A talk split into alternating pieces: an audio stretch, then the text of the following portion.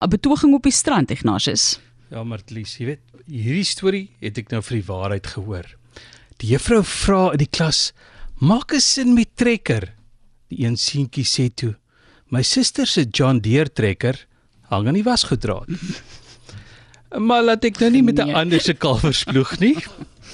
Weg van die boerdery, na 'n plek waar mense op die strand boer. Die goue kus van Australië.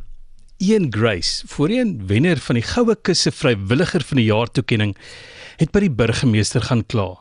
Baie formeel in 'n brief. Die klagte het gegaan oor die deurtrekkers wat sy aandag aftrek. Ek besef sommige in Suid-Afrika gebruik die term G-string om na 'n BMW te verwys. As jy na daardie kar se rooster kyk, verstaan jy hoekom. Maar BMW's op die strand is nie wat Ian Grace ontstel nie. Wat die vroue dra, is wat pla. Een was duidelik nie vrywillige sonskermsmeerder van die jaar nie. Nou Australië is 'n warm land en laat my dinge is warm op die strand en die vroue is warm onder die kraag. Een man gaan hulle nie voorsê oor wat hulle agterlangs dra nie. Dis nie asof hulle nie 'n draad klere aan het nie, maar at least die draadjie is dalk dun, maar daar. So Vrydagoggend was daar 'n protesaksie.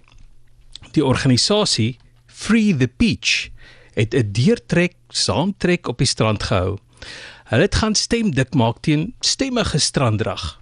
Ek weet nie hoe groot die getal betogers in hulle kleinste swemkostuums was nie, maar ek vermoed hulle het nie gesukkel om groot getalle toeskouers te kry nie.